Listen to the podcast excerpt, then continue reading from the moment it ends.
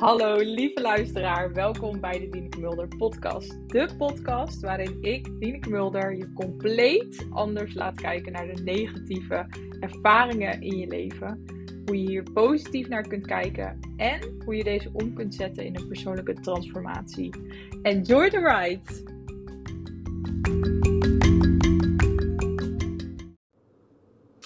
Hey, welkom bij weer een nieuwe podcast ik zit weer in de auto. Dus het is weer tijd om een podcast op te nemen. Ik vind dat heel fijn. Ik rijd twee keer per week terug van ehm, krachttraining. En, uh, en dan moet ik ongeveer een half uurtje naar huis rijden. Dus dat is echt het perfecte moment voor mij om een podcast op te nemen. En waar ik het in deze aflevering met je over wil hebben, is het onderwerp schuld. Want daar heb ik afgelopen week het een en ander over gepost. Um, in een Instagram post, maar ook in mijn stories. En ik vind dat zelf super interessant onderwerp om het over te hebben. Um, en even kijken waar we beginnen. Oké, ik begin even met hoe ik um, ja, het onderwerp schuld heb ervaren. Uh, tijdens mijn bevalling, maar vooral denk ik in, um, in de verwerking van mijn bevalling. Hoe ik het zelf heb ervaren is namelijk Um, of ik heb eigenlijk drie dingen gezien bij mezelf. Hoe ik uh, met dat onderwerp schuld ben omgegaan. Um, eerste is dat ik um, in het begin heel lang heb gedacht dat het mijn schuld was. Dat mijn bevalling is gelopen zoals die is gelopen. En dat ik hem heb ervaren zoals ik hem heb ervaren. Ik dacht namelijk heel lang dat uh, mijn lichaam gewoon niet in staat was om te bevallen. En uh, om even kort samen te vatten hoe mijn bevalling is verlopen. Het begon met gebroken vliezen. Ik wilde heel graag thuis bevallen, maar er werd al heel snel tegen mij gezegd uh, dat ik medisch zou worden als ik geen goede weeën had binnen 24 uur. Daarvan raakte ik best wel in de stress. En uiteindelijk nou ja, binnen die 24 uur naar het ziekenhuis gegaan. En in het ziekenhuis werd er ook heel veel, ja, best wel druk op gezet. Um, waardoor ik nog meer stress ervaarde. Mijn ontsluiting niet vorderde. En uh, heel veel interventies zijn ingezet. Eh, ik denk echt dat ik ongeveer elke interventie die er is wel heb gehad. Behalve de keizersnede. Uh, ik ben uiteindelijk vaginaal bevallen, maar wel met een vacuumpop. Um, maar dat is even de korte samenvatting van mijn bevalling. Ik heb het er wel vaker over, maar misschien is dit de eerste aflevering die je luistert op mijn kanaal. Dus dan is het wel goed om, om nog even een keer te horen.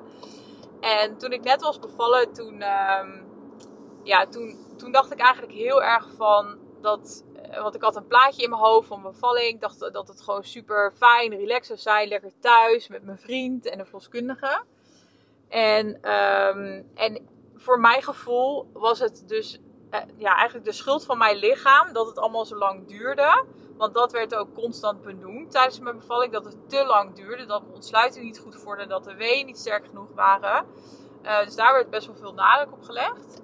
En um, ik koppel daar vervolgens de conclusie aan van... Oké, ik kan blijkbaar niet goed bevallen. Mijn lichaam doet gewoon niet wat het moet doen.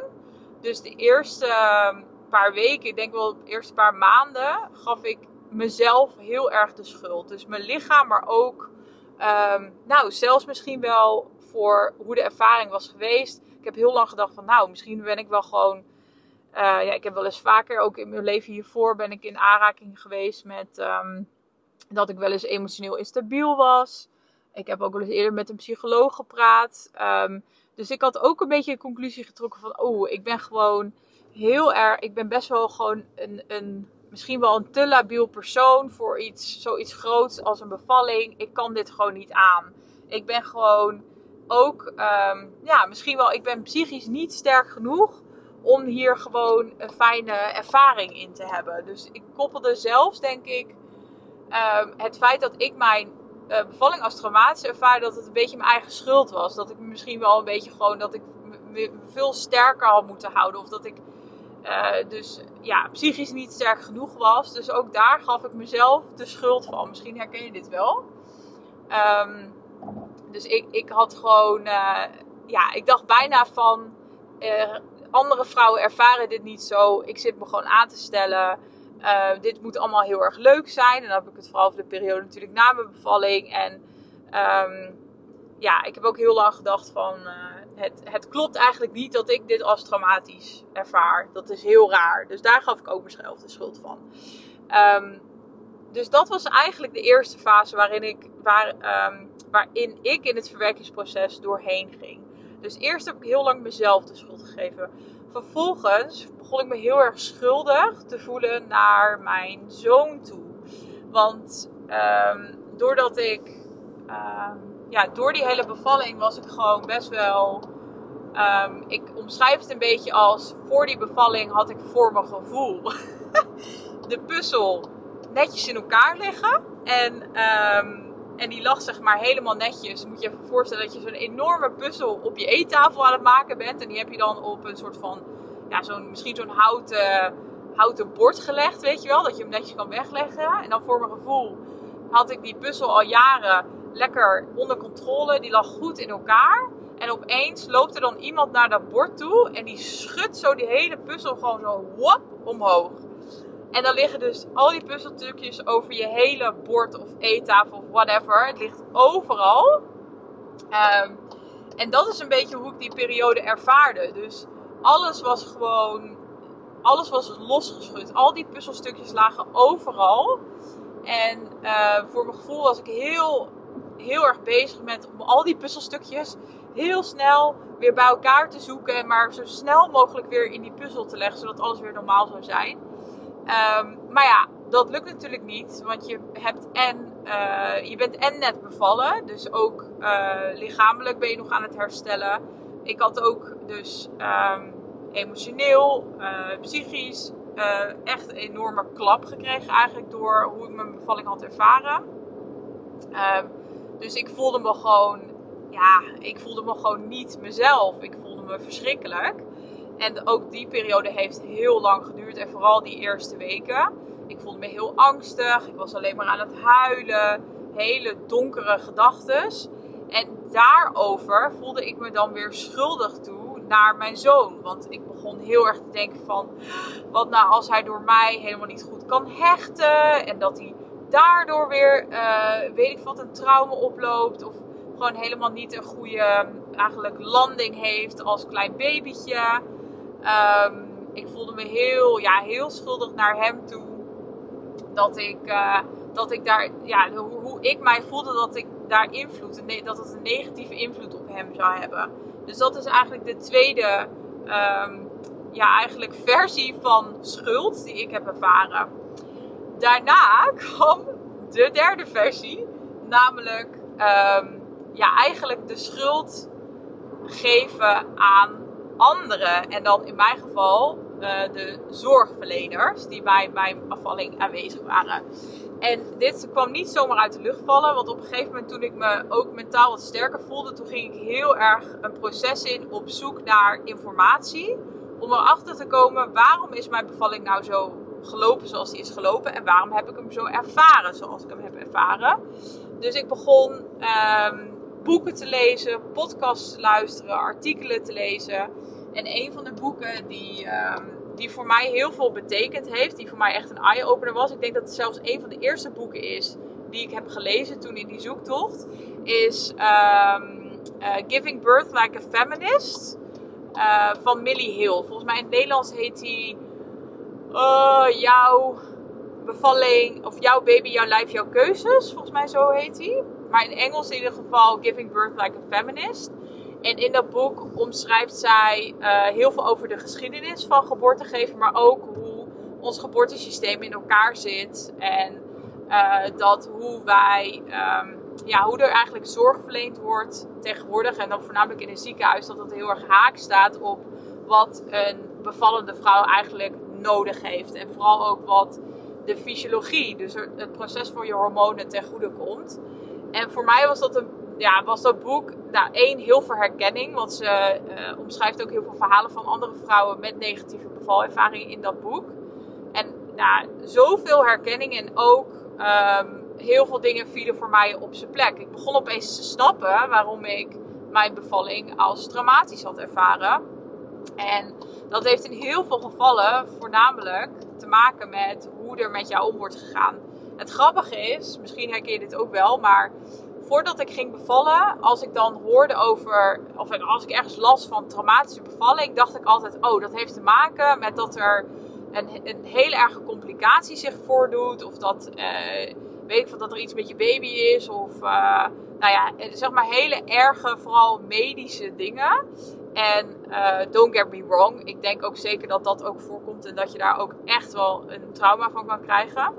Maar toen ik dat boek had gelezen, toen ontdekte ik dat, dat, um, dat het percentage, uh, of het grootste percentage traumatische bevallingen, niet zozeer te maken heeft met, met wat er precies gebeurt tijdens die bevalling, dus complicaties die optreden, maar voornamelijk hoe er met jou om wordt gegaan door zorgverleners. Alsof je, of, je, of er echt naar je geluisterd wordt, of je gezien wordt, of je um, of je het gevoel dat je in regie was, dat je keuzes kon maken, zeg maar. Dus dat er niet dingen over jou werden besloten, maar met jou werden besloten.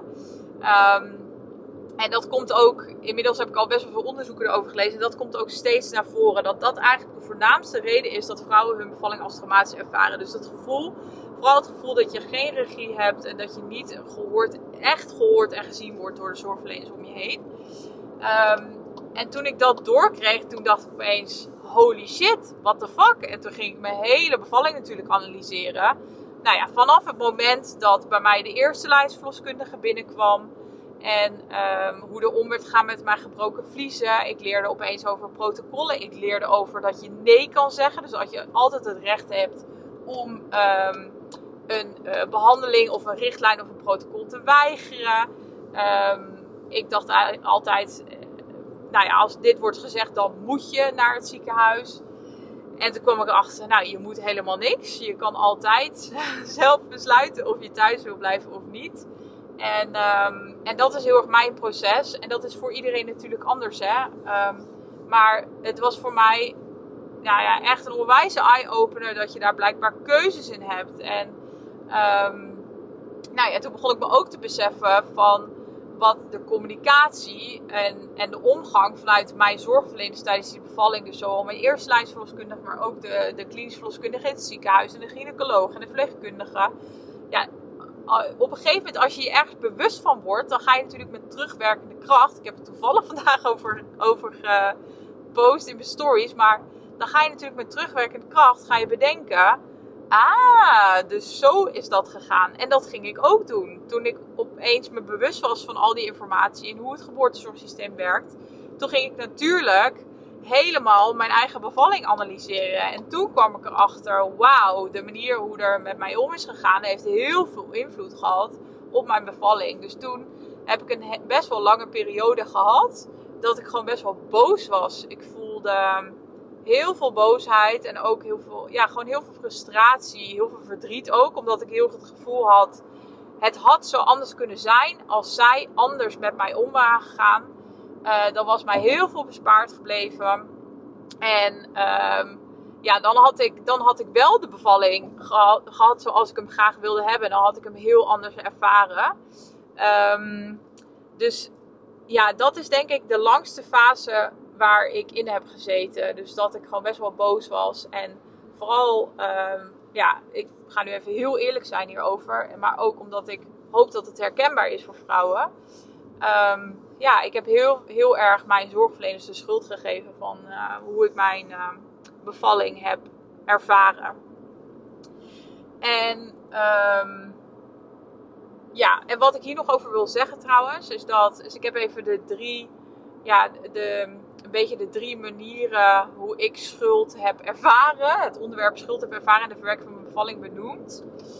En ik denk wat, wat hierin heel belangrijk is, want inmiddels heb ik daar vrijwel geen last meer van. Dus van al die drie vormen van dus mezelf de schuld geven, me schuldig voelen tegenover mijn zoon, de schuld geven aan de zorgverleners, dat speelt geen rol meer. Uh, soms komt het wel eens naar boven hoor. Het is natuurlijk niet helemaal weg. Soms voel ik het nog wel.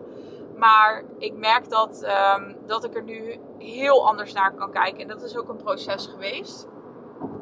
Maar ik denk wat hierin belangrijk is om te benoemen, is dat dit mijns inziens heel normaal is. Uh, dat het heel normaal is dat je in dat verwerkingsproces door die verschillende fases gaat. En misschien sla je één fase over of um, gaat het in de omgekeerde volgorde. Dat kan natuurlijk ook. Maar ik denk dat je als je het meer vanuit de psychologie bekijkt, dat als je zoiets heftigs meemaakt, waar zoveel gevoelens en emoties bij komen kijken, dan is het eerste wat je brein doet op zoek naar een reden. Dus je wil bepaalde dingen plaatsen. Je wil de puzzelstukjes, wat ik net omschreef, ook weer op zijn plek krijgen. Dus je gaat kijken, je gaat als eerste op zoek naar: oké, wat is hier gebeurd en waarom is dit gebeurd en wat is de reden hiervan? En je gaat dat natuurlijk, ik denk wat de meeste vrouwen doen en wat ik ook van andere vrouwen hoor, ga je dat eerst bij jezelf zoeken. Dus je gaat eerst kijken van, oké, dan, dan is er vast iets mis met mijn lichaam of misschien is er wel iets mis met mij. En vervolgens, eigenlijk hoe ik het heb ervaren, is dat je van binnen naar buiten gaat. Uh, dus dat je steeds verder, dus eerst kijk je in jezelf en dan vervolgens ga je ook naar externe factoren kijken die een rol hebben gespeeld. Um, en ik denk dat dat ja, super normaal is um, in dit proces. Het is alleen, denk ik, heel erg zonde als je vervolgens in die fase blijft. Dus als jij blijft in het jezelf de schuld geven of je schuldig voelen tegenover je kind. Wat echt heel logisch, hè? logisch is, don't get me wrong.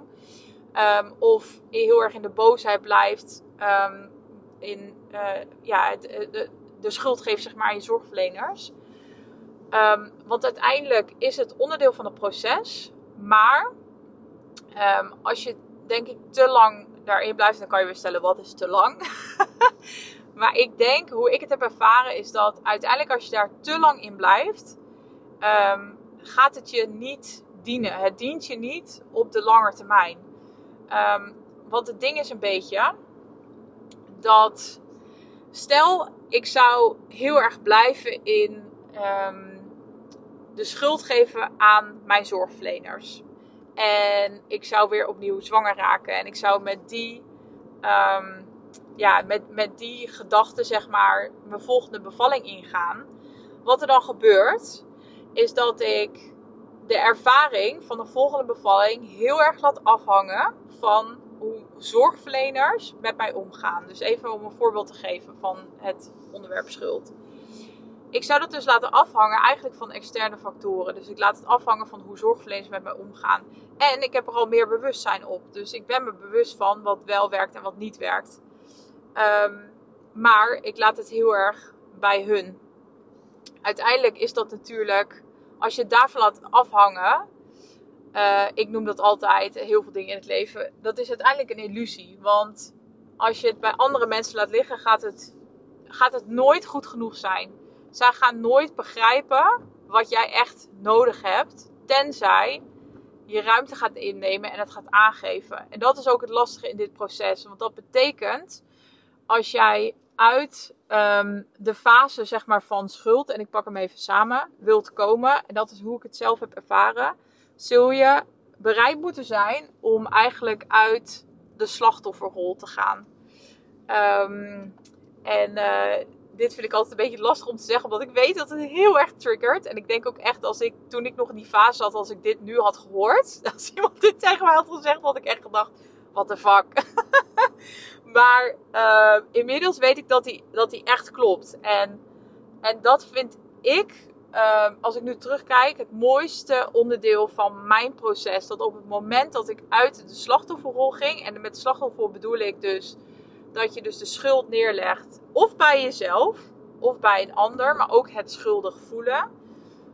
Um, als je daarin blijft hangen, dan het brengt je uiteindelijk niet verder, omdat je dan toch de verantwoordelijkheid bij andere dingen neerlegt. In plaats van dat je echt naar binnen gaat en echt, echt die pijn en die emoties gaat doorvoelen van wat je hebt ervaren.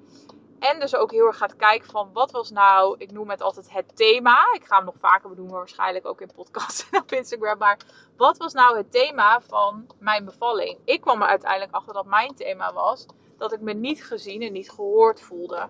Vooral dus door zorgverleners. Niet zozeer door mijn partner, maar vooral door zorgverleners.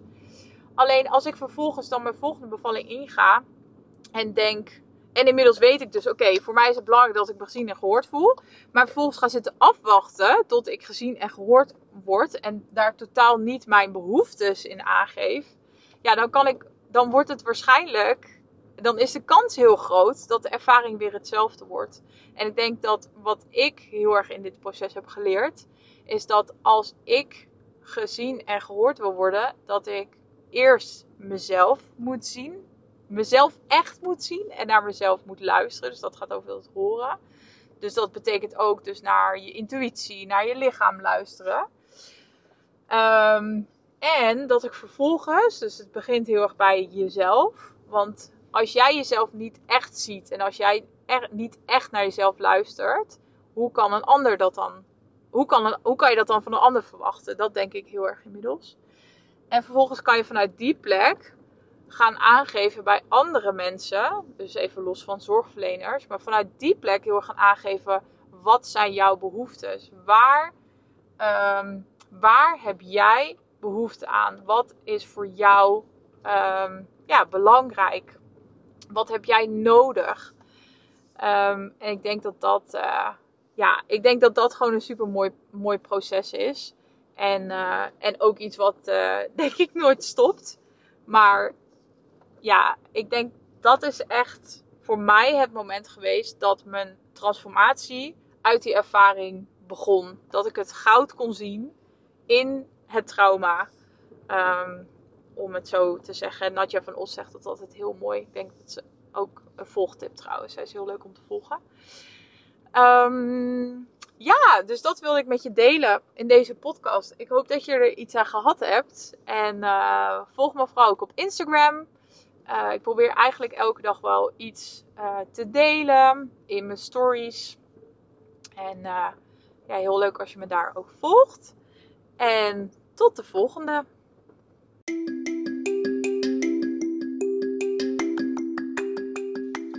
Ja, heel erg bedankt weer voor het luisteren.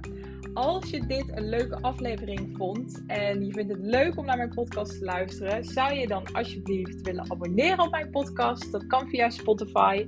Als je naar de algemene pagina gaat van mijn podcast, zie je zeg maar onder mijn foto een, een knop staan waar je me mee kan volgen. Je kan ook het belletje aanklikken. Dan krijg je een berichtje elke keer als er weer een nieuwe aflevering online staat. En daarna zou ik het super, super leuk vinden als je mij een 5 sterren review zou willen geven. Dat kan ook weer onder de foto. Je hoeft alleen maar op de sterretjes te klikken. Verder niks in te vullen. Dus zo gepiept. Daar zou ik heel blij mee zijn. Daarnaast heb ik ook een Instagram pagina. Je kan me volgen via Dieneke Mulder. En aan het einde zit nog een underscore, een laag streepje. Ik hoop dat ik je daar zie. En tot de volgende.